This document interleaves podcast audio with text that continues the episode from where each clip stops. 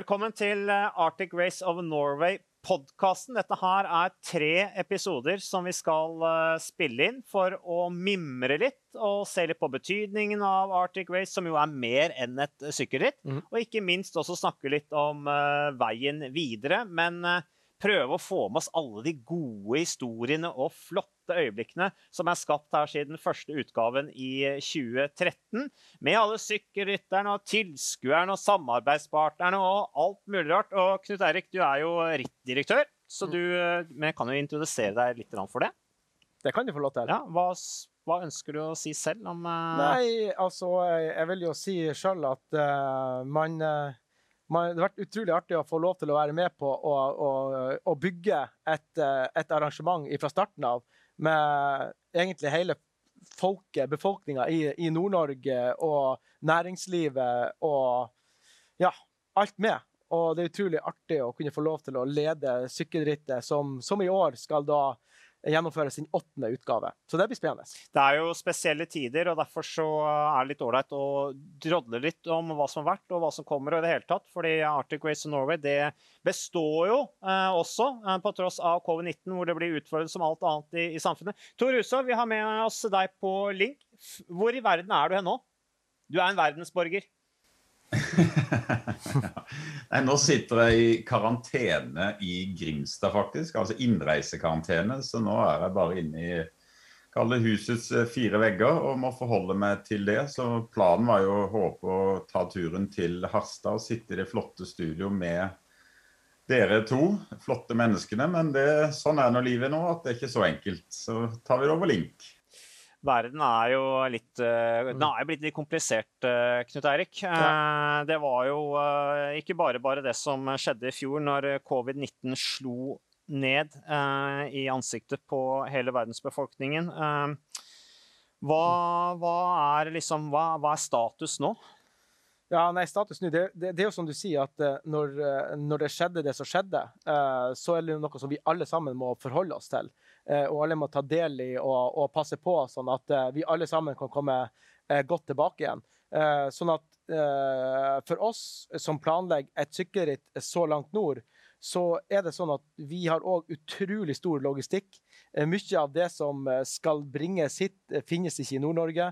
Vi tar det fra sør i Norge, eller vi tar det fra utlandet. Mm. Vi har ryttere og team som ikke kommer med sine egne biler. Eh, De blir jo fløyet oppover med fly, og vi må skaffe absolutt alt til dem. Så våre deadliner i forhold til når både biler skal settes i produksjon, for det er jo partneren vår Hyundai som leverer dem, og de er nye når de kommer oppover hit, så det er et ganske sånn stort eh, apparat. Eh, og i fjor så husker jeg var, var utrolig vanskelig når skal man si at det ikke blir et sykkelritt. Eh, og vi sa jo òg veldig da at Arctic Race er jo ikke bare et sykkelritt, som du var inne på. Arctic Race er jo mye mer enn bare et sykkelritt. Mm. Så en kombinasjon med at man kan gjennomføre det profesjonelle, men ikke ha folkefesten, det med å miste folkefesten, det som også er, er egentlig en av kjennetegnene til, til Arctic Race, vil ikke bli liksom Du følte ikke det var liksom fullverdig. Eh, men nå når vi står ett år senere, uh, etter at pandemien uh, traff oss alle, så håper vi veldig for sykkelrittet sin del at vi kan gjennomføre det uansett. Eh, og så må vi forholde oss til at eh, kanskje ikke vi får like mye publikum på start- og målområdene, men jeg er ganske sikker på langs vei og i bygder så eh, vil det skinne, og folk vil være med på å løfte fram både syklister og, og andre. Så, så for oss så er jo den kritiske faktoren det er jo det som har med innreisekarantene. Sånn som Tor eh, er nå. Mm. Han kunne ikke komme til Harstad pga. at han, han kommer fra utlandet og må ha den karantenen. Og vi vet at ingen sykkellag vil komme til, eh, til en destinasjon eller til et land hvis de må sitte syv dager eller ti dager i, i karantene. Da er det jo å sykle andre sykkelritt eh, rundt omkring i verden, så eh, det blir veldig vanskelig. Så når vi får klarhet i det som går på karantene, og om vi får eh, vaksinepass, som da man jobber med i Europa, Mm. eh, så vil jeg fortelle om hvor vi eh, vil ende igjen i august. Men eh, hvis du spør meg direkte, så sier jeg bare gjør klar til sykkelfest.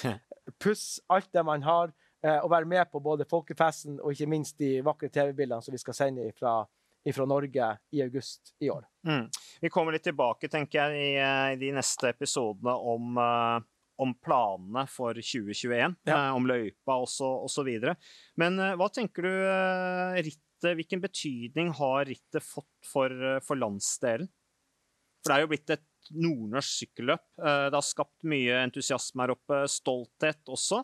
Eh, og det har vært gått litt sånn politikk i det også. Jeg husker jo første utgaven i 2013, så husker jeg Trond Giske var eh, oppe i Bodø, og han fikk litt kjeft, faktisk. Kanskje ufortjent også.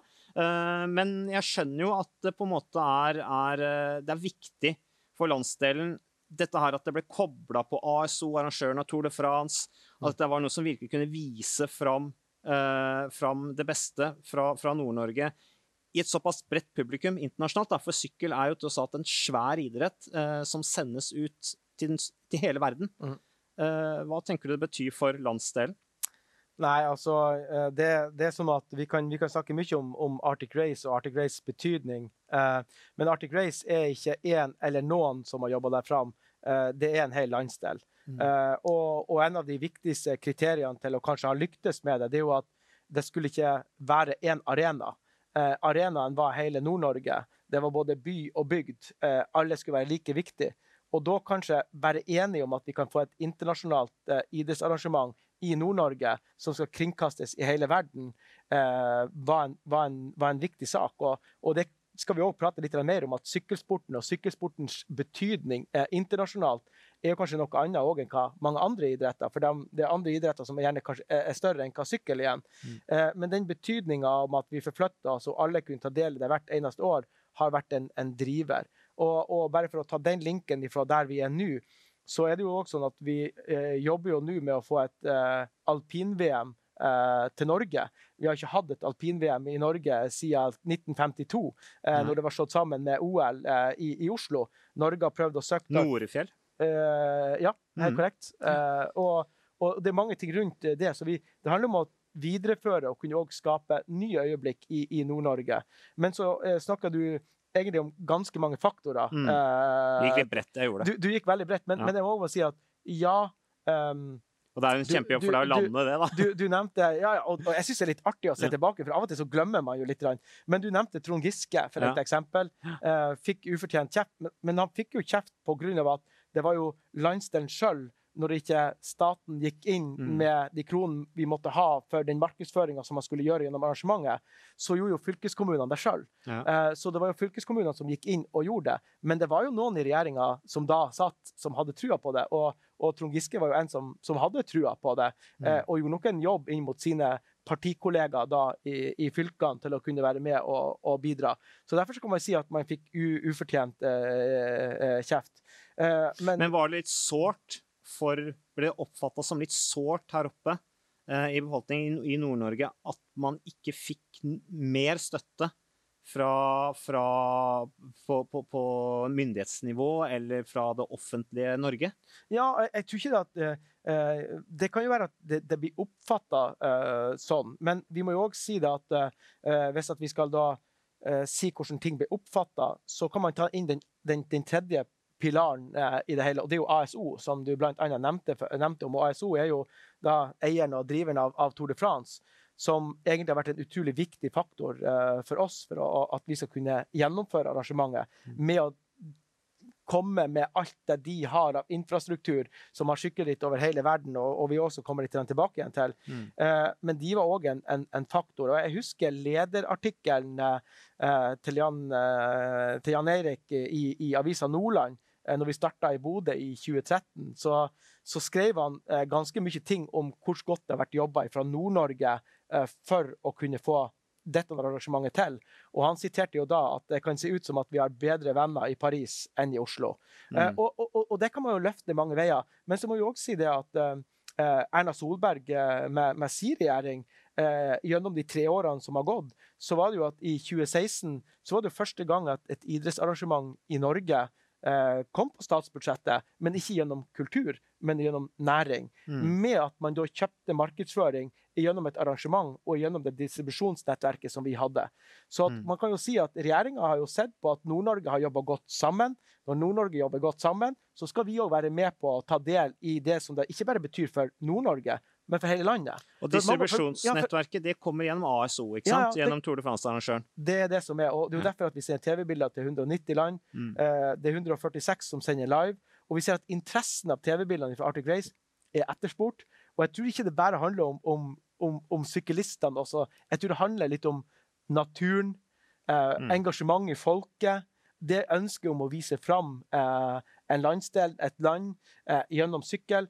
Og det ser jeg òg at er en viktig faktor i forhold til det som har med, med Arctic Race å gjøre. Og ikke minst òg at uh, du kan vinne tøffe premier som uh, 500 kilo laks. Det er mange Mm. ting som, som skjer. Så jeg vil si det at uh, jobben som Nord-Norge gjorde i starten, eh, er uvurderlig i forhold til hvor vi står i dag. Mm. Sånn at det med at man begynte å gjøre det sjøl, eh, det har bare gjort oss sterkere. Det at man, man sier at det var ikke galt, kanskje det var rett eh, eh, i den tida å si at vi vet ikke helt hva dere sier at det vil bli. For vi visste jo ikke heller. Eh, og jeg husker at vi hadde Statoil og jobba med Statoil og skulle ha Statoil med i, i arrangementet, så Helge Lund sa vel det at eh, når vi da skulle inngå avtalen, at hvis dette arrangementet blir litt av det dere sier at det skulle bli, for det skulle jo bli Tour de France, Ja, og det skulle jo bli alt, så, så tror jeg at vi kommer til å se store verdier med å bygge, uh, eh, bli en, en partner til, til dette arrangementet. Så Tor, eh, du har jo vært på en måte engasjert i sykkelløp eh, lenge. Um, du vant jo første utgave. Vi skal komme litt tilbake til å mimring og se på 2013-utgaven. Men hva er det som gjør Arctic Race of Norway så, så, så spesielt? Nei, Jeg tenkte jeg skulle uh, på en måte smekke inn noen ord når Knut Erik eh, holdt på, men han snakka så fort så jeg kom ikke til. Men, uh, eh, men, men eh, når jeg satt og hørte på det, og på en måte så setter jeg meg litt sånn tilbake og, og mimrer litt sjøl, og, og, og så er det klart Én så er det jo det at det sto en, en kreativ og offensiv og uredd gjeng eh, bak det. Men, men jeg vil si at det som har gjort Arctic Race eh, unikt, det er jo det at eh, Nord-Norge tok tak i den muligheten eh, de fikk. Eh, og skal jeg si De tre landsdelene, når det var tre landsdeler, så på en måte skjønte de at her kommer noe stort og unikt til, til landsdelen vår, så det her må vi ta tak i, i sammen. Eh, om det er alt fra sk- tilskuddene langs veien og helt opp til, til, det, til det politiske. Men, men på en måte den entusiasmen og, og, og litt sånn ga, positive galskapen en har sett, sett langs løypa, det er det som har skapt og blitt et litt sånn eh, blitt, eller veldig unikt i, i sykkelsammenheng. Det får rytterne med seg, det får uh, eh, sponsorene til laga med seg, det får laga med seg. Det får uh, tilskuerne altså ut i hele verden med seg. Mm. Da, derfor har Arctic Race klart å, å blitt uh, eh, det unike. Og så på en måte så er det jo én ting vi sitter på, vi i, eh, som nordmenn, og spesielt i Nord-Norge. Det er jo en vanvittig storflott og fantastisk natur. Så når du får tilskuerne, den galskapen, entusiasmen eh, sammen med eh, den naturen, da skaper du noe stort, og da har du skapt eh, Arctic Race of Norway. Mm.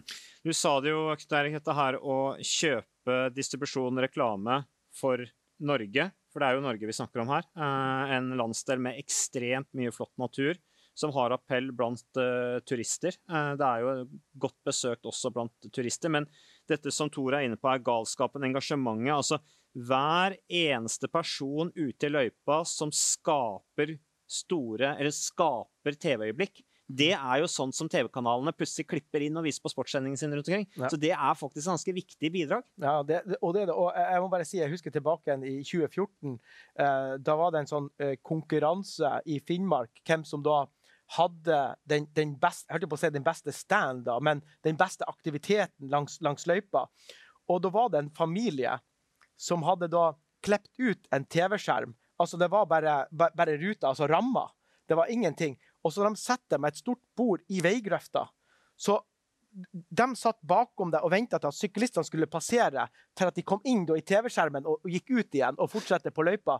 Og da sto det 20 internasjonale fotografer og venta på at denne familien skulle få liksom Sitt TV-øyeblikk. TV-øyeblikk Ja. fra veigrøfta eh, og ble premiert. Så det, det, det skjer utrolig mye, og, og det engasjementet det tror jeg er utrolig viktig. Og, og det òg at, som, som også ble sagt, er at eh, vi i nord ønsker jo å invitere inn. Så når det kommer journalister eller andre, så ønsker vi at de skal smake på kaffen vår. Mm. Eh, vi har verdens beste vaffelkake. Eh, vi har kanskje verdens beste det vi har oppi koppene i forskjellige typer varianter. Så vi ønsker jo å dele og la dem smake, og det tror jeg de setter veldig pris på. Og blir invitert inn. Eh, så eh, det tror jeg òg er en, en av ingrediensene til at man har en eh, følelse med at Arctic Race er litt annerledes. Tor, du har blitt veldig glad i landsdelen selv. Uh, og det, det, har på en måte kommet fra Arctic Race, hvis ikke jeg er fullstendig misforstått. Men veldig mye av din kunnskap, kjennskap, erfaring med, med Nord-Norge har jo kommet gjennom sykkelløpet. Uh, men hvordan, det, hvordan, var det da i 2020 å ikke være til stede her? Det var en litt sånn tomhet. Det har blitt en, eh, en tradisjon og blitt en greie de siste åra å komme til, eh, til eh, Nord-Norge og være med på Arctic Race i, tidlig i, i, august. Så det er klart det var jo det var noe som, som mangla i fjor. For når jeg er der oppe, én ting er på en måte at Nå sitter egentlig sjefen min på sida der, Mats, men jeg, jeg, er liksom på jobb. Ja. Men hvert minutt når jeg er oppe i, i Arctic Race, er det, det er en, en opplevelse. og og Det er en litt sånn åpenhet blant de lokale, som Knut Eirik satt akkurat nå og sa om det var kaffekoppen eller hva det er for noe. Det er liksom bare Folk er dønn ærlige. De heier, heier på arrangementet, og de er positive til alt. Men på en måte, en gang så måtte jeg Knut Erik plutselig synge på en eller annen sånn setting. Og så kom jeg ned fra scenen, og så kommer det en nordlending. Fy faen, du er dårlig til å synge.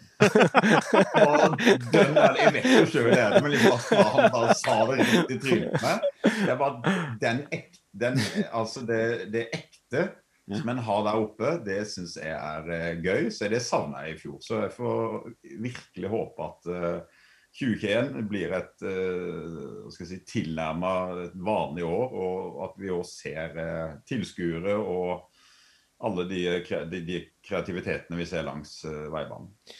Før vi, til, før vi, skal se på 2013-utgaven, første utgaven mm. hvordan, Erik, hvordan var det å ikke få arrangert i 2020? når på en måte tok dere den beslutningen, eller når skjønte at det blir ikke noe av? Eh, vi tok den beslutninga i, eh, i, fjor, i mai mm. 2020. Eh, og det var Vi skjønte at det kom ikke til å lette på noe, for vi hadde sånn et håp. Men når vi så alt som skulle drages i gang og så En annen viktig faktor det er jo at vi har jo samarbeid med ASO, som òg gjennomfører Tour de France. Mm. Uh, Tour de France gikk jo ikke til avtalt tid de måtte jo òg skyve på det, og det var jo da starten på september som ble Tour de France i fjor.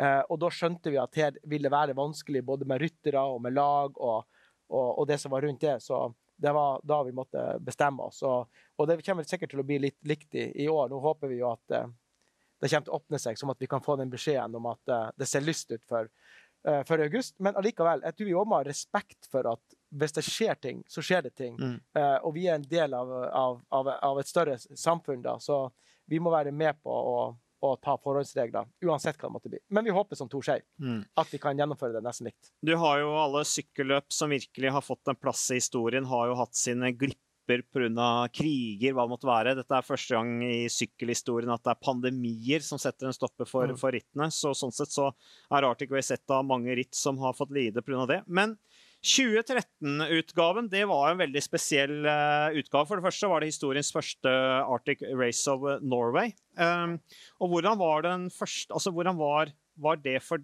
deg som arrangør, Knut Eirik, uh, å liksom komme til denne dagen hvor det var første etappen, eller lagpresentasjonen i Bodø? Alle lagene hadde kommet der. Det var liksom dagen før den store dagen. Hvordan opplevde du det, som på en måte hadde kjempa sammen med andre selvfølgelig også, men dere hadde virkelig gått helhjerta inn for dette her, med stor entusiasme. Fått med dere masse støttespillere. Hvordan var den dagen for deg? Den første, eller de to dagene da, med lagpresentasjonen, første etappe i Bodø? Altså, vi hadde jo bygd opp et nivå på hva det skulle være for noe som vi ikke ante om vi kom til å være innen rekkevidde på i, hele og det, og det store. Eh, vi hadde jo kort tid fra i mars til i august med å forberede oss til å ha finansiering på plass og til å kunne gjennomføre. Så det var en kort forberedelsestid, eh, og vi var jo veldig spent. Og jeg husker jo at eh, lagene stakk, og det kan sikkert Tor òg si noe om etter hvert, men, men det at teampresentasjon ja, kommer vel et par stykker. Så var det jo sju, åtte, ni Jeg vet ikke hvor mange tusen mennesker det var på det kvartalet i Bodø eh, utenfor Glasshuset. Det var, det var, fullt over folk og eh, applauderte rytterne som bare lurte på hvor er det vi er kommet her nå. Altså, det var liksom en glede på det. Og da lurte du på hvordan vil dagen bli. Første etappe starter i Bodø. Og du var utrolig spent. Mm. Utrolig spent på hvor det ville gå. Var alt sammen forberedt rett? Var alt på plass? Ville TV-produksjonen virke?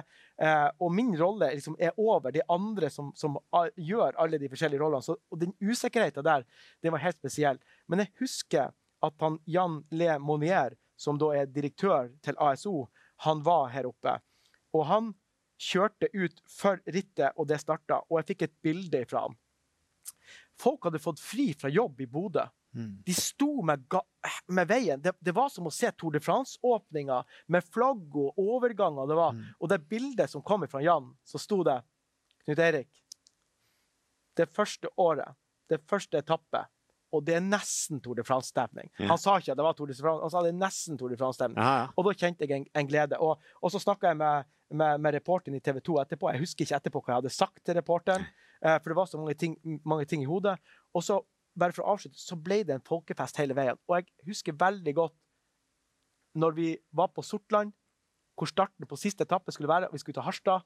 Og siden man holdt til i Harstad og bor i Harstad, så tenkte jeg at å, herregud, nå håper jeg ikke Harstad at vi dummer oss ut, at det ikke kommer noen og følger med, og at det er ingen som er til stede. Og en redsel for at OK, nå har det vært så bra, hva vil skje i Harstad? Mm.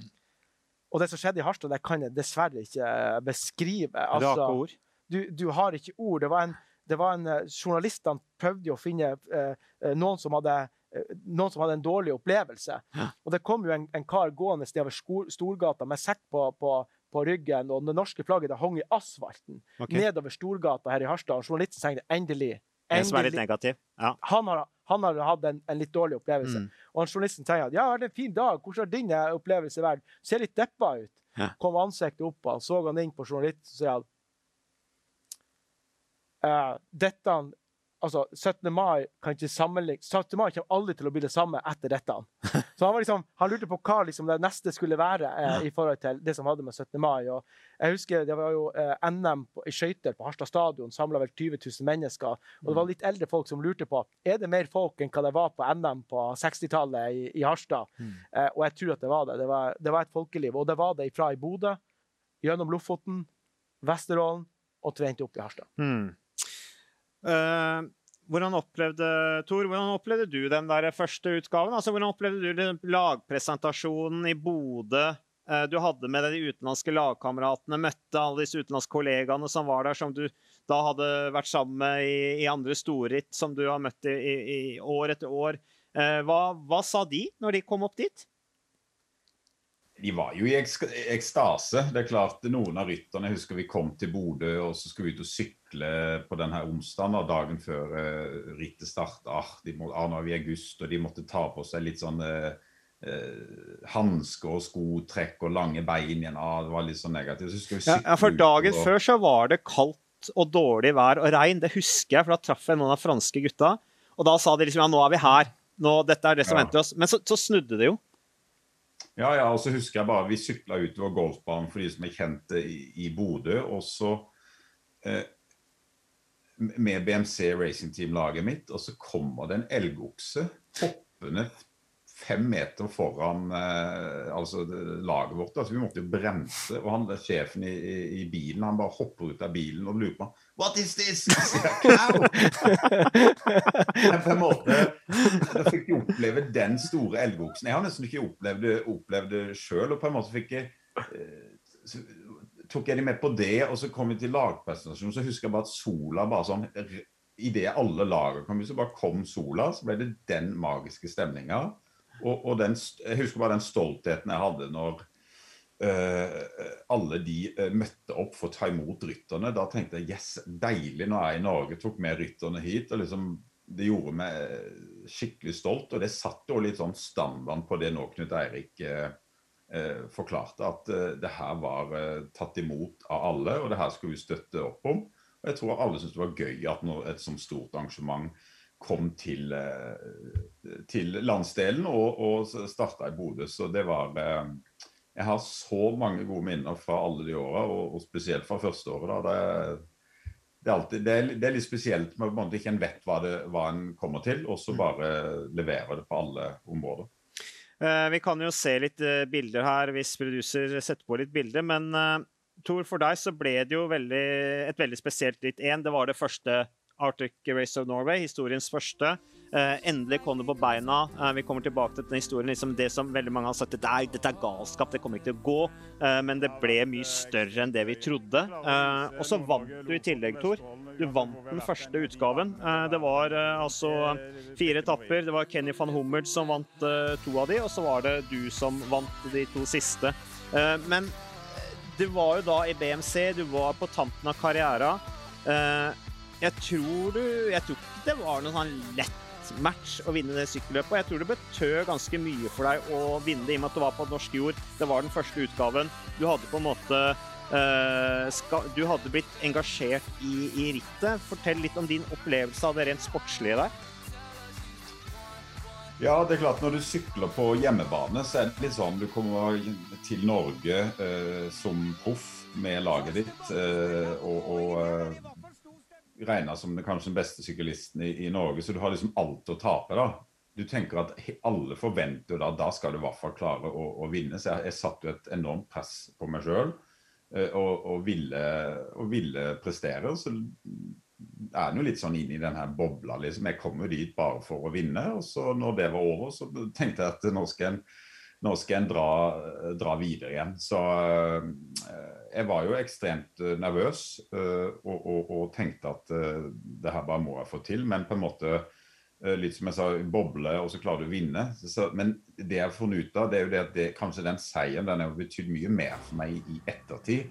Nå som jeg er ambassadør for, for Arctic Race og, og, på en måte ja, Den betydninga det har fått, det har gitt meg vanvittig mye i, i ettertid. Så jeg er kanskje mer stolt av det nå enn jeg var når vi kom i mål i, i Harstad på siste etappen. Og klarte å vinne siste etappen og uh, da vant uh, sammenlagt med noen få sekunder. Vi sitter nå og ser på bilder her, eh, Knut Eirik, uh, som Ketil, produseren, har lagt på. det fantastiske folkelivet.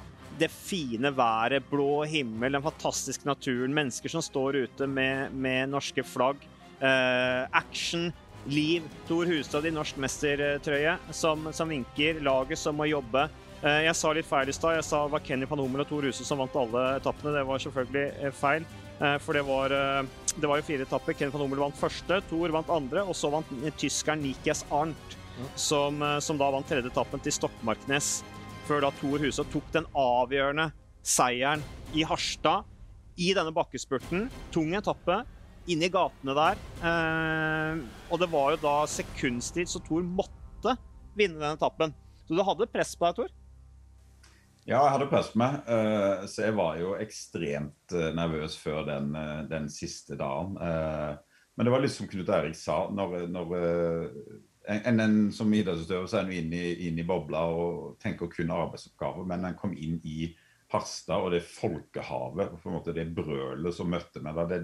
jeg tror det er det nærmeste en syklist kan komme av følelsen av å, være, å kalle sykle på en stadion, som fotballspillere må ha det det er klart jeg, jeg klarte å hente ut ekstra mye uh, mye krefter når, når, eh, måte, når jeg så det. Jeg tenkte her må jeg bare levere. Jeg følte liksom at alle dytta meg bare opp, uh, opp bakken. Uh, så, så og det, og det, er det som er så unikt med, med, Arctic Race. Jeg har bare noen minner som jeg bare må ta. For jeg, jeg så de nå på, på bildene som vi sykla den etappen ut i Lofoten. Da, da, altså et av de beste minnene jeg har. Da, da sykler vi da langs en sånn fjord, sitter da en, eh, en gammel dame eh, ute igjen og har rodd ut i en sånn pram. Du ser at huset hos er liksom opp til venstre, så går hovedveien forbi, og så har du en liten sånn båtnaus. Så har du rodd ut med den prammen, satt med en, eh, en sånn ja, fiskehatt og alt og regne, regnefrakter, sitter med en tosk i, i, i hånda tenkte bare For et engasjement. Det var, det var hos måte på en måte vise at, at vi kom. ja, så, så autentisk, liksom, da. Jeg, jeg, har fortalt denne historien som et av, beste, et av, mine beste minner, da, men plutselig i fjor, eh, forfjor så kommer hun her dama bort til meg.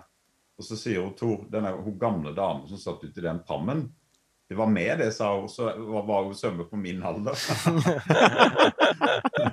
Og så, og så så jeg nå en lagkamerat av meg som, som velter. og det er klart Når du er syklist og tryner, du slår deg, ryker i bakken, Mm. så kom han tilbake etter, etter vi mål i, i Svolvær. Så var han helt i- en- en entusiasme. Jeg trynte, jeg trynte. Så landa jeg liksom sykkelen i havet, og, og, og sykkel, han endte opp halvveis ut i sjøen. da. Men liksom da, vi sykler liksom så inn i naturen at han velter og detter i sjøen. Så det synes jeg faktisk var, var en opplevelse. Så, så det er klart det, det er sånne ting som har gjort at, at eh, jeg syns det har vært unikt. Og rytterne som kommer fra eh, hele verden, syns det er en spesiell opplevelse. Og, og, og jeg må bare også, Mats, eh, til, til det som Tor egentlig òg sier. Jeg vet jo, Tor, du, du snakka veldig mye om den siste etappen når, når du vant, men det gikk veldig fort på den etappen fra start. Og det var ingen som fikk gikk i brudd. Og det var jo òg en spesiell årsak. Husker du den årsaken?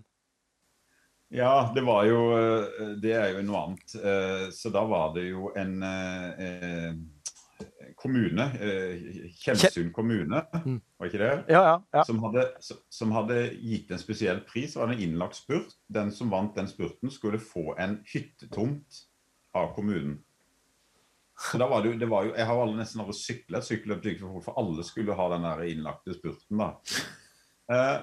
Eh, og, og den var det en eh, belgier som vant, så jeg vant jo ikke den. For det var ikke det som på en måte var hovedfokuset mitt. Jeg måtte jo vinne i mål i Harstad, så jeg brukte kreftene der. Det var litt dumt da, Tor, at du ikke fikk den tomta. Du er jo glad i eiendom. Ja, ja, men nå kommer, nå kommer liksom eh, nå Rosin, kommer rosin i pølsa kommer nå! Rosin i pølsa. Mats, du må være litt tålmodig. Du er litt utålmodig nå. Ja. Så da går det et par uker, så får jeg en, en e-post av noen fra, fra en kjempetrivelig familie fra Tjeldsund, fra øya der ute. Ja, Kjelløya. Kjelløya, sorry. ja. Og så, og så sier de det at Tor, eh, jeg må bare si at Arctic Race for et arrangement, det var fantastisk. Vi syns det var veldig synd at det ikke du som vant den hyttetomta.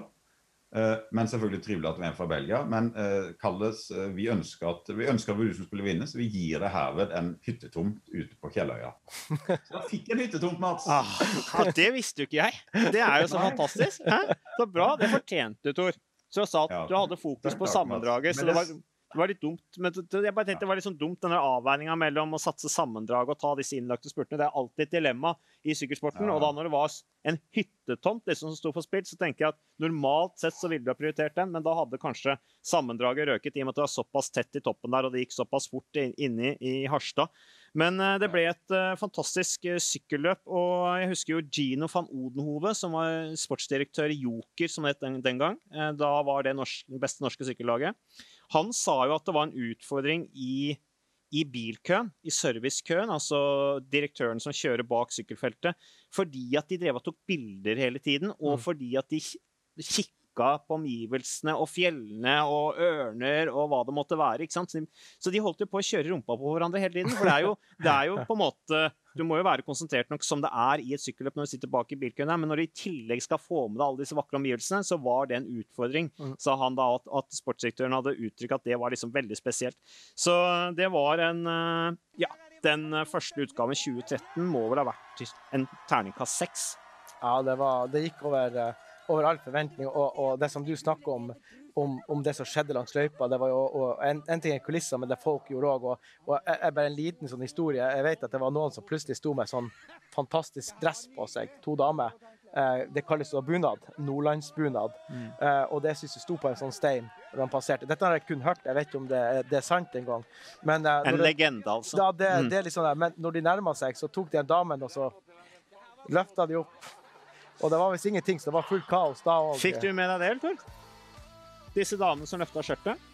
Det får jo Ja, normalt syklister med seg. Jeg, jeg, fikk med, jeg fikk med meg noen damer, men jeg prøvde å holde øya på veiene. vet du, Mats. Selvfølgelig, du er, du er toppidrettsmann. Jeg, jeg glemte det. Men, men eh, det er eh, Det var eh, gøy. Og når det gjelder Harstad og livet der eh, Nå er vi jo Harstad, og jeg syns det er litt morsomt, Tor. Du har jo fått din egen bar i Harstad. Tors bar med Cervelo-sykkel og greier og trøyer og Hva er historien bak at du ga en sykkel til den baren? Nei, det er jo, det er jo Knut Eirik, da. Han er jo ikke Han er jo Han er ikke redd for å spørre. ikke frempå. Nei, men eh, eh, det er jo et miljø her i, i Harstad. Og så, og så var det vel en eh, Når vi på en måte hadde lansering eller åpning av denne baren, da, så var det jo en eh, lokaljournalist som spurte, som spurte meg Tor, hvorfor har du Tors bar? Og jeg, jeg tror VM-medaljen min henger der og greier. Mhm. Så liksom, hvorfor her? Fra Australia. Ja, fra Australia. Så hvorfor eh, her i Harstad, ikke Grimstad? Så bare svarte jeg liksom Nei, de spurte først. Ja, ja, ja. Og, og, du, og du, jeg, jeg må jo òg bare si at eh, eh, når, når, når, når man spurte Tor om det, eh, om det var mulig å, å, å få det til, så er jo Thor som alltid kjempepositiv og fant gamle trøyer som både er fra Tour de France og de grønne som han, eh, kla- poengtrøyene som han vant eh, i Tour de France, og noen andre eh, trøyer som han hadde på seg og har sykla. Eh, og eh, når jeg da spurte han eh, spørsmålet du, Tor, hvor er gullmedaljen din fra Australia tilbake i 2010? sa jeg, nei, den er vel hjemme i skuff. Hva i all verden gjør den der? Den må jo være på veggen her. Og da måtte han, da måtte han høre litt med, med Susanne om hva hun tenkte om akkurat det, men han henger i Harstad. Det er jo ganske artig at du faktisk har uh, hengt VM-medaljen din fra Geelong i Australia uh, her i Harstad. Det sier noe. Jeg så jo Sofie Elise var jo inne i baren der, var vel i vinter, tror jeg, tok bilder derfra. Sånn. Det er jo litt artig, da. Hæ? Viser at det er blest om baren, Tor. Ja, jeg vet at hun elsker å henge Sofie Elise elsker å henge i baren min. Det setter jeg pris på. Du er alltid velkommen der. Ja, det er bra. Det er god reklame for sykkelsporten, det. Eh, Knut Eirik, når var det du skjønte at den første utgaven kom til å bli en realitet? Det var mm, 1. mars i 2013. Da sa eh, Etter at vi hadde fått med oss de tre fylkeskommunene, eh, så sa eh, da Statoil ja til å være med. Mm. Og jeg kommer aldri til å glemme 13. mars i Harstad, på Harstad kulturhus. Så hadde vi, press, da hadde vi pressekonferanse hvor vi annonserte at eh, Arctic Race 2013 er en realitet. Eh, vi har fått det til med disse samarbeidspartnerne, og vi er klart til å gi full gass.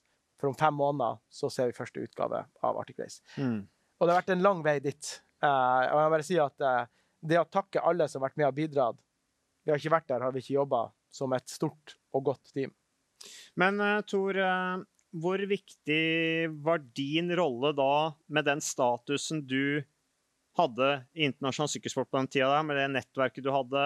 Eh, også selvfølgelig i tillegg ASO. Hvor viktig var din rolle i forhold til da å rekruttere lag og ryttere til den første utgaven i 2013, når dette her var et helt ubeskrevet blad i, i sykkelsport, i en sykkelsport som på en måte liker å delta i det litt mer kjente eh, og kanskje trauste, så de veit hva de får? Ja, Nå er kanskje jeg feil eh, person som blir, blir spurt om det, men jeg tror nok jeg var viktig i form av at eh, Knut Eirik hadde en, eh, en syklist i Norge som var en som, som på en måte først løfta sport nå i Norge eh, generelt. Eh, Støtta opp eh, rundt det, så, så, det ikke, så var det ikke mye jobb jeg gjorde i, i, eh, sånn sett. Men på en måte, jeg var jo en ambassadør rundt til laga, til ryttere. For, for å på en måte fortelle at én, det går an å sykle sykkelløp i Nord-Norge over uh, Arctic Circle uh, uh, uten på en måte å sykle på vinterdekk.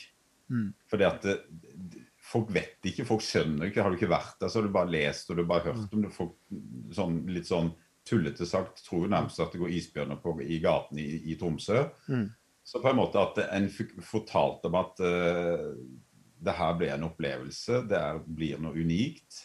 Uh, der tror jeg var kanskje, der var nok uh, viktig, men det er Mm. alle folka bak som har gjort den og gått den lange, lange veien. Mm. Jeg må, jeg, må, jo få lov til å si uh, innlig at uh, Tor han eh, var vel første gang i Nord-Norge eh, i 2013 da han da sykla. Mm. Men han var med oss fra 2011 av, og han har jo da snakka om Nord-Norge eh, og midnattssola, hvor vakker hun er, og fortalt hvor stor torsken er i, sånn- i, mellom øyene.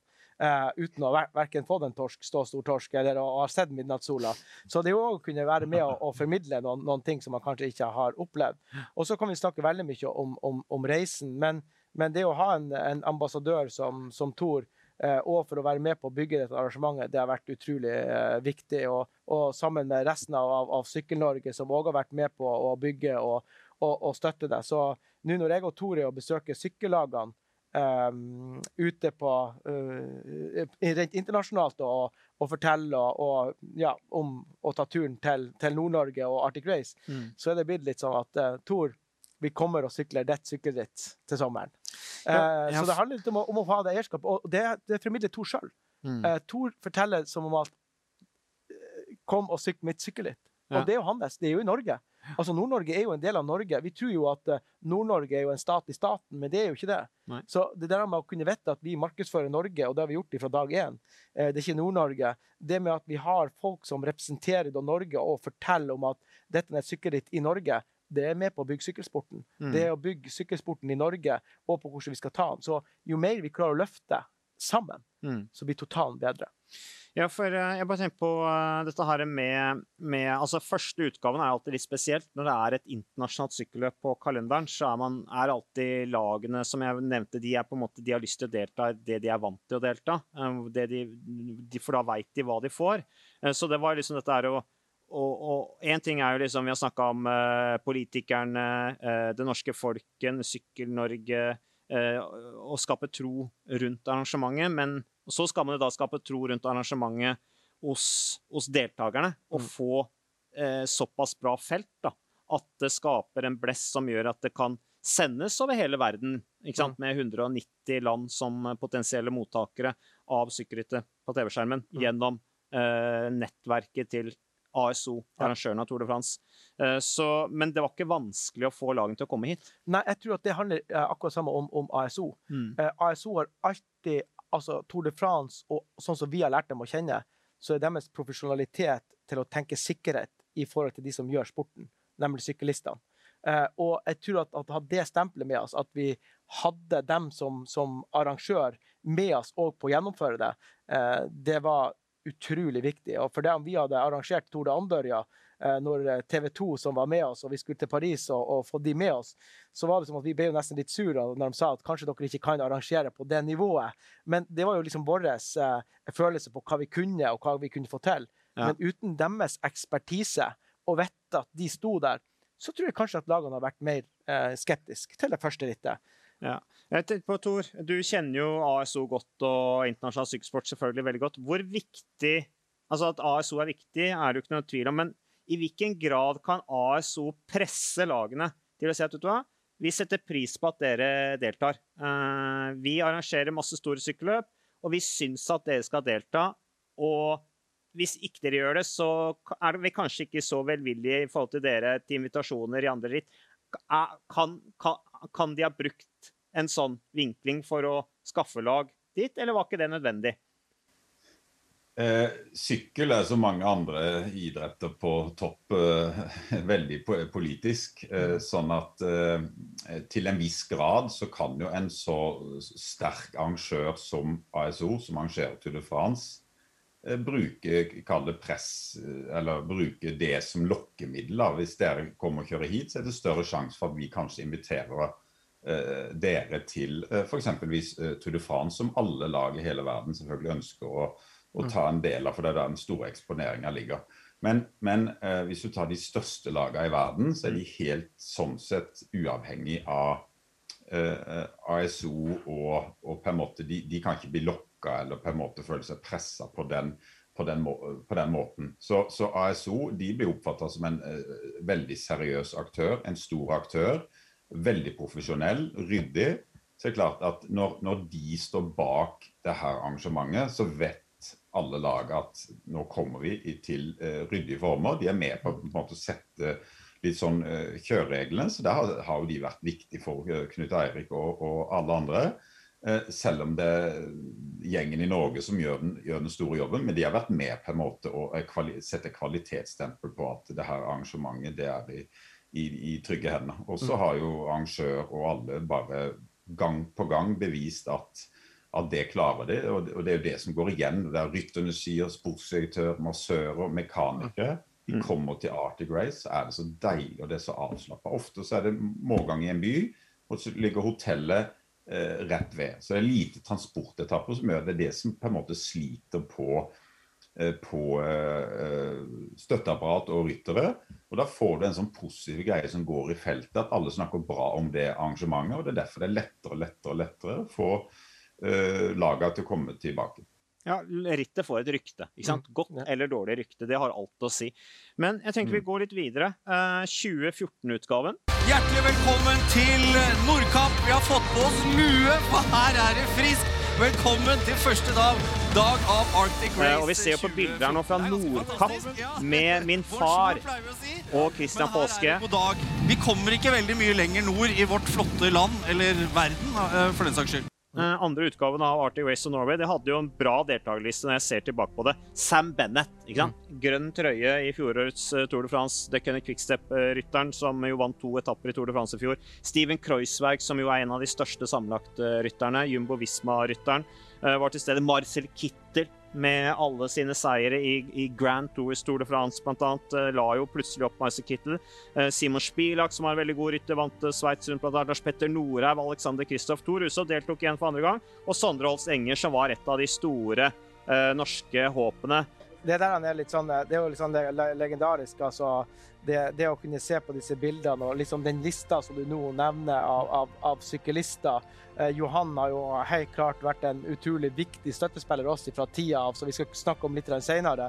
Eh, det å se at de står på Nordkapp, eh, hvor det skal være målgang på, på første etappe tilbake til 2014. Og, og mange vil jo spørre seg hvorfor Nordkapp. Eh, Mange vil spørre seg hvorfor starta vi i Lofoten. Men for oss, når vi da skulle bygge etappene, så handler det om å bruke kjente punkter eh, ute i, i verden. Mm. Altså Lofoten med, med sin vakre natur.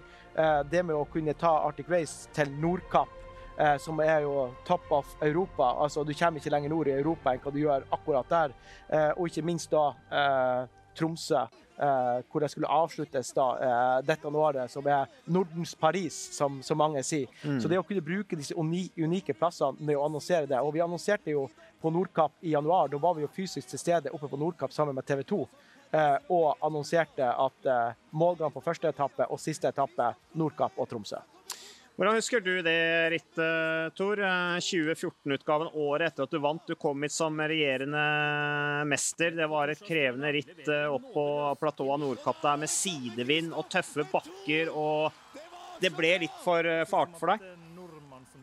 Ja, det gjorde det. Jeg kom jo inn uh, i, uh, til Arctic Race i 2014 med en litt sånn usikker form, og jeg fikk jo på en måte eh, bekrefta det på den etappen en ser Lars Petter Nordhaug vinner opp til Nordkapp, at eh, jeg var ikke, jeg var ikke 100 Uh, og da blir det sånn at du flytter, flytter fokus uh, litt. Grann, og så var det, jo, det var jo noen tøffe etapper. og Spurtformen var ikke he helt uh, ideell. Og så kjørte jeg meg litt sånn i form uh, underveis i rittet. Så jeg liksom eh, eh, flytta fokus da til å prøve å vinne på siste etappen. eh, For da visste jeg det skulle gjøres litt stas på meg. Og det var liksom mitt siste sykkelløp i Norge. Erna Solberg kom og, og sa noen flotte ord. og Eh, Så jeg bygde liksom alt opp, eh, opp til, til det, sånn Mm. personlig. Men ellers så var det jo, som du sa, Mats, et, eh, et fantastisk Det var et høyt nivå. Det var mange gode, altså mange verdens beste syklister som var der. Og det fikk en jo på en måte bekrefta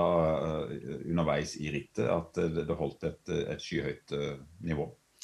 Lars Petter Norhaug eh, vant etappen da til, eh, til, eh, til Nordkapp fra Hammerfest. Eh, Historisk sykkelritt. eh, Nordligste punktet som noen gang eh, på en måte har blitt mm. Hvor det har vært en målgang eh, i et sykkelløp på- på det nivået. Det har vært noen andre sykkelløp på Nordkapp, forresten?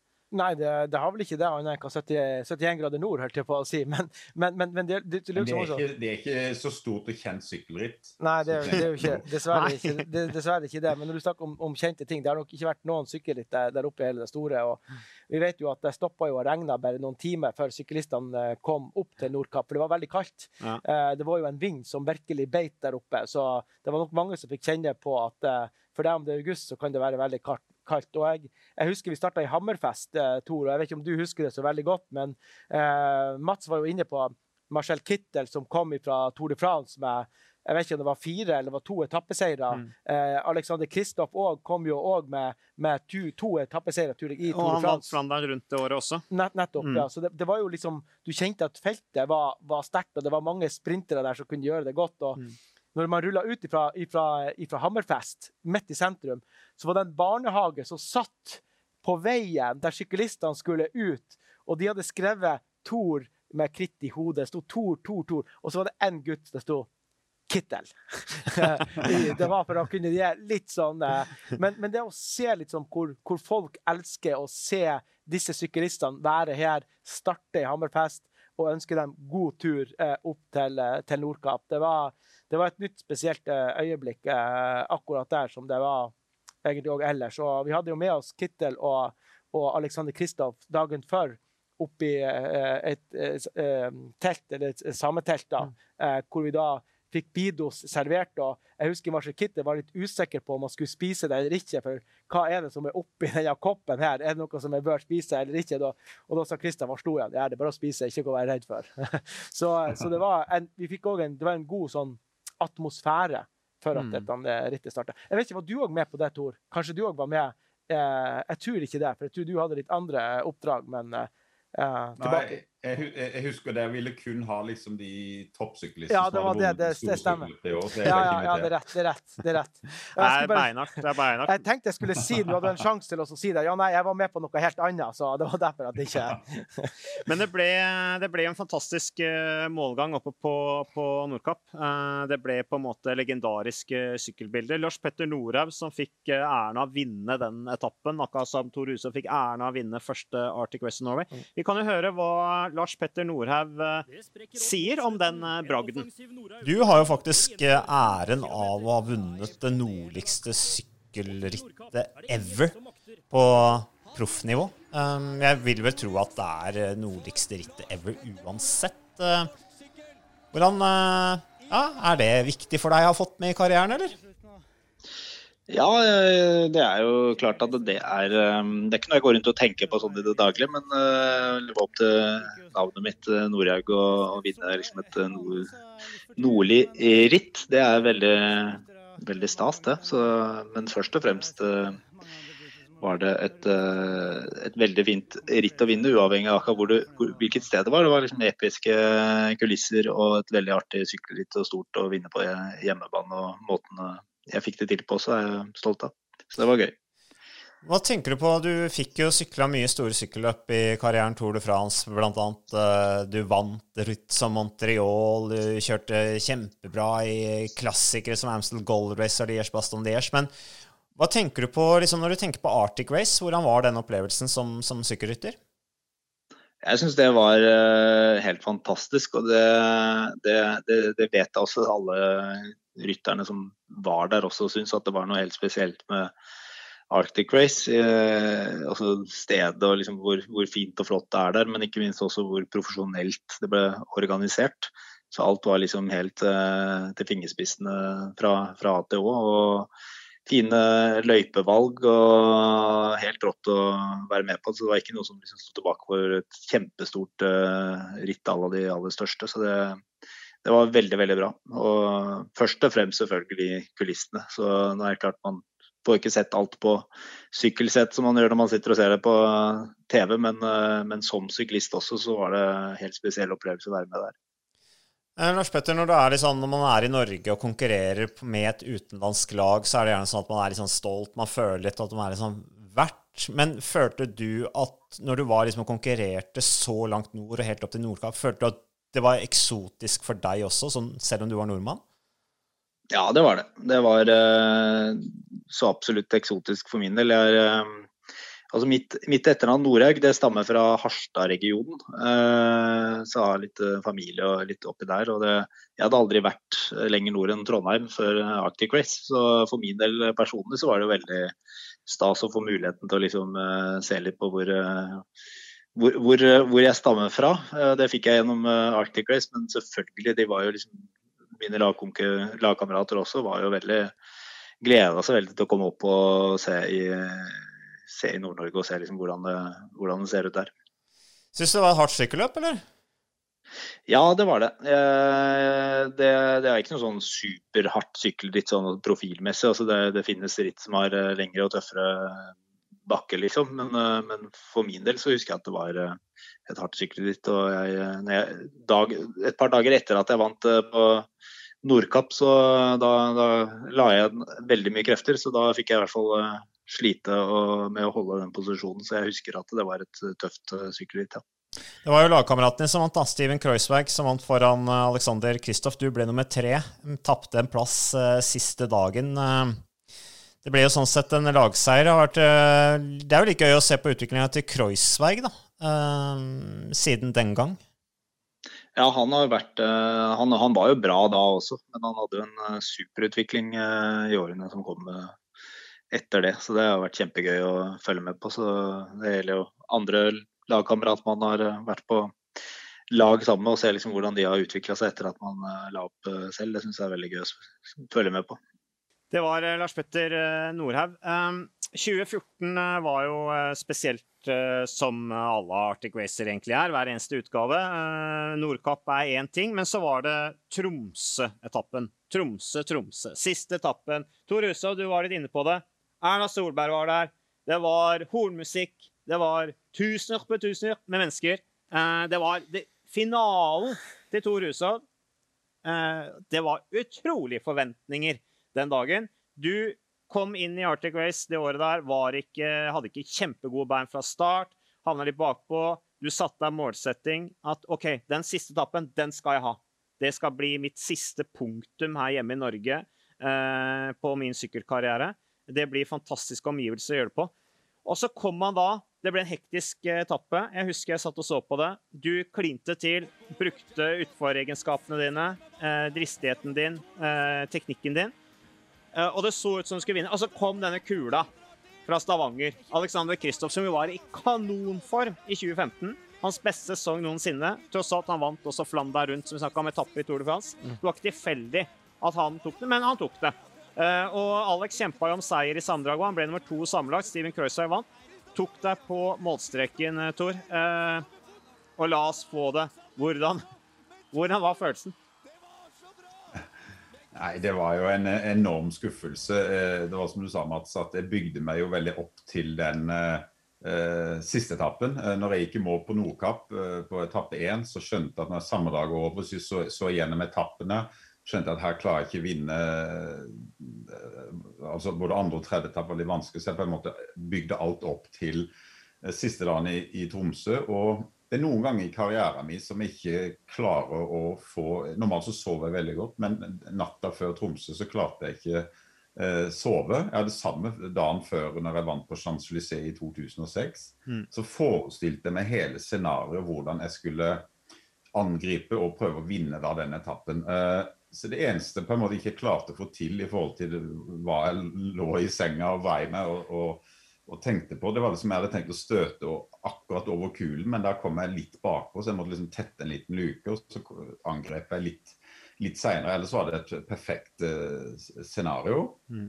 Uh, og trodde jo at jeg skulle ta det, men så kom jo da Kristoff uh, tima det godt og, og, og, brukte jo litt sånn slipstreamen bak meg. Og han sa jo det i etterkant at uh, han tenkte at når han så jeg gikk inn i de svingene med den farta, så tenkte han ja, kommer han ut av det på begge hjula, skal jeg òg klare det. Så det var det eneste som gjorde at han turte å gå inn i den høye farta. Var at han så at jeg, jeg turte å gjøre det. Og så klarte han å slå meg akkurat på målstreken. Så det var jo eh, veldig skuffende. Eh, jeg var ekstremt deppa, men sett i ettertid så er det jo på en måte det er jo toppidrett. Det var noen som sa liksom, ja, man burde gitt med den. Men det er idrett, det er toppidrett. Du skal ikke gi eller kaste bort seire. Han så den muligheten. Og samtidig så var det litt sånn at det var mitt takk for meg, og så nå var det han som skulle liksom ta over neste generasjon. Troneskifte?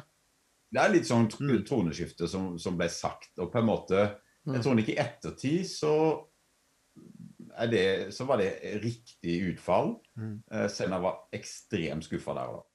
Ja. Vi kan jo eh, høre hva Alexander Kristoff sa om den opplevelsen. For han kjente jo litt på seg, han også. Her er Alexander Kristoff. Du har fire deltakelser i eh, Arctic Race of Norway. Fire på rad fra 2014. Du har vunnet en etappe i hver deltakelse. Fem etapper, faktisk. Den som har vunnet flest eh, etapper, i tillegg til en annen- og fjerdeplass sammenlagt. Eh, hvordan har du opplevd Arctic Race? Jeg syns det har vært et veldig fint løp. Jeg har jo prestert bra, så da blir det jo positivt til det. Sånn sett har du gode erfaringer, så sånn sett jeg på Arctic så, så tenker jeg jo på et fint løp hvor jeg har kjørt bra. Så Alltid veldig fin natur og livlige folk og god stemning. Jeg syns ofte utlendinger nå kommenterer hvor fint det er. Og, og, det er jo egentlig ganske trygge løyper at det er jo lite byene og sånn oppe i Nord-Norge er ikke store, så det er jo lite midtrabatter og sånne ting du kan krasje i. Så sånn sett er det ganske avslappa og trygt for oss ryttere på en måte med grei størrelse på veiene og, og lite, lite, road furniture, som vi kaller det. Mm. Så det er, det er, ganske fin trening òg, da. Oppkjøring hvis du har et litt sånn eh, mål på slutten av sesongen? Ja, eh, og for min del når du kjører i Norge, så klarer du liksom å ta kanskje det lille ekstra. For du kjører jo mot masse folk du kjenner sant, i kontinentalen og, og trener med her hjemme. du, og De er jo sykt motiverte, for de kjører mot proffer, så de presterer kanskje litt over evne. Du vet at du pleier å henge med dem på trening, eller kjøre jevnt med dem på trening. så da ser du ikke noen grunn til at de skal plutselig kjøre deg fra deg i, i, i, dette løpet. Så da presterer kanskje du litt bedre enn enn i andre løp. ikke sant? Så det, det, blir jo litt sånn eh, Jeg føler ofte når jeg kjører i Norge at jeg plutselig klatrer mye bedre enn jeg gjør eh, lenger sør i Europa. på en måte. Så du, du blir løfta altså, når du kommer til Arctic Race? Jeg blir litt løfta, ja. Spesielt ja, Arctic Race eller Trofen Norway for den saks skyld. Når jeg kjører i Norge og du kjører mot de du du trener med, med hjemme, så, så, ja, så, føler jeg at jeg løfter mitt nivå litt, da, siden, jeg, siden jeg vet at jeg henger mer på trening. på en måte. Mm. Du nevnte publikummet, eller folket der oppe, nordlendingene. Um, er det noen sånne spesielle episoder du husker godt fra, fra rittet? Ikke sånn én enkelt, men jeg føler sånn generelt at de kler seg mye ut. og, og det er god stemning langs veien. Eh, så, så ja, jeg husker jeg måtte ta en folkedans opp en bro en gang um, før start. Ja, Du har jo både sunget Du har jo sunget tidligere i Echbon Frankfurt, så det å ta det folkedans, eh, det er kanskje ikke noen sånn stor utfordring for deg? Var verre med nasjonalsangen. Eh, så nei, folkedans skal jeg klare. Du, Alex, en, eh, en ting eh, det, altså, du, du, har jo vunnet disse fem etappene, og en av de etappene det var i 2014. Det året vant du to etapper, faktisk. Um, og da slo du Thor Hushovd uh, i spurten inne i Tromsø på siste etappe. Det var liksom siste opptreden til uh, Tor i, i, Norge. Og vi husker bilder av Thor som er tydelig skuffet han tidligere over målstreken i Tromsø, og det ble en del sånn følelser i etterkant da, forbundet med at du slo da Thor i hans siste ritt hjemme i, i Norge. Burde du da ha vist storhet osv. Og, så videre, og latt han få kjøre først over, over målstreken? Hvordan husker du den, den episoden der, eller des, den diskusjonen i etterkant? Ja, jeg husker det var jo en del som mente det, eh, at eh, jeg burde latt han vinne. Eh, han har jo, har jo vært et stort forbilde for meg òg. Og det var jo på en måte, ja, som du sier, hans siste opptreden i Norge. Men ja, han skulle jo legge opp senere det året.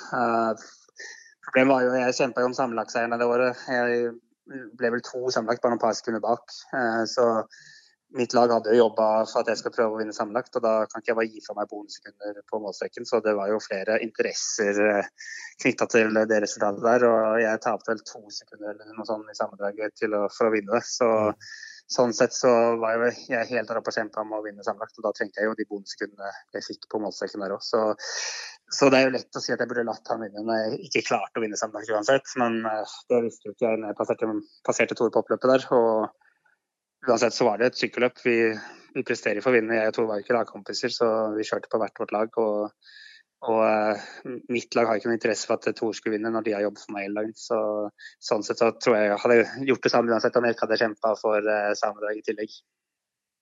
Det var uh, Alexander Kristoff hva han hadde å si om den saken. og Det er jo litt som du sier, og Tor, på slutten av den samtalen vi hadde før innledningen til, til Alex der, at sånn er det. Eh, Det var sykkelløp. Han eh, tapte sammenlagt for Steven Kreuzberg med fire sekunder. Så han hadde jo gode grunner til å gi bånn gass der eh, på oppløpet. Mm.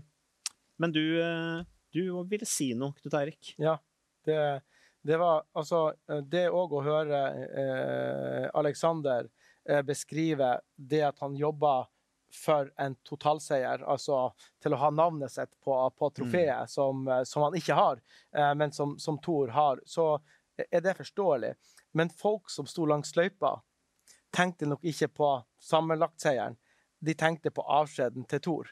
Eh, og det gjennom publikum så var det ikke noe eh, egentlig det at, at ikke Alexander skulle vinne. Men jeg tror at når du har vært en syklist som er jo ja, jeg vil si at som er den, høy, eller som er den høyest rangerte syklisten vi hadde i Norge, avslutter eh, og mot Arctic Race, så har han vært en viktig, Thor vært en viktig sånn støttespiller fra 2011 av.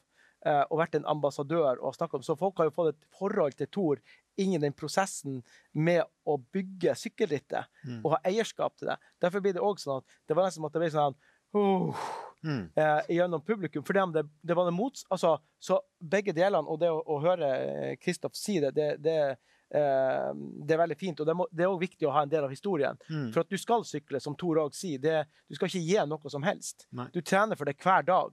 Du står opp tidlig og, og står på og virkelig gjør det du skal gjøre for å bli en god idrettsutøver. Mm. Og dette er jo òg en, en, en del av det. Og så ønsker jeg også å si, jeg vet ikke om jeg faktisk har sagt dette til Tor sjøl. Eh, det vet jeg ikke. Men det skjedde noe altså, Av de som jobber i ASO, så sa de at det skjedde noe historisk i den passeringa av målstreken. For at de har aldri sett at en som blir nummer to og passerer målstreken, har sluppet hendene ifra rattet, begge hendene, og passerer det med hendene helt ned uten å holde i rattet. Å nei, de har ikke sett det før. Nei, nei eller styret heter det vel på Ja, ja. Eh, Styre. ja. Eh, det, det har aldri vært skjedd. På å komme som nummer to, bare reise seg opp før at du kommer over eh, mållinja, slipper rattet og bare passerer. Har aldri skjedd før.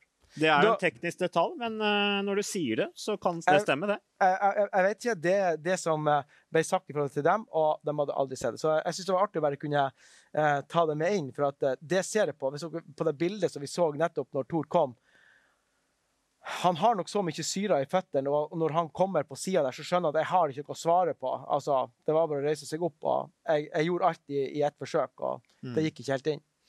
Ja, nei, det er nok et poeng det at det var nok eh, på en måte publikum, det lokale publikum, som så til de grader på en måte heia fram Thor var på en måte ble sett på som en lokal helt. Ja. Eh, så til tross for at han er fra Grimstad, med den historien og de, på en måte, den tilknytningen han har til, til Arctic Race eh, Men Thor, burde ikke du tatt med deg Alexander på en fisketur, eh, og så en middag i, her i Harstad, og så tatt en øl i Thors bar i Harstad etterpå? For liksom bli Bare ta Sett punktum på der. Ja, men eh, det kan jo være at eh, vi får gjøre det når han har lagt opp. Han er jo en travel mann nå, og, og eh, kanskje det er sånne ting som er lettere å gjøre når han har lagt opp. Så da får jeg ta han med og vise skikkelig Nord-Norge, så skal jeg bygge opp navnet hans i Nord-Norge. Ja, og så kan du vise han den der pokalen hvor han ikke har navnet sitt. Ja, men, men Mats, Mats, jeg trodde jo også at når du snakker om å ta han til Harstad og til Tors, det er jo veldig fint, men jeg tenkte at kanskje det var at du skulle vise han hvor mange grønne trøyer har du, Alexander? Har du en sånn gullmedalje som henger i skapet her?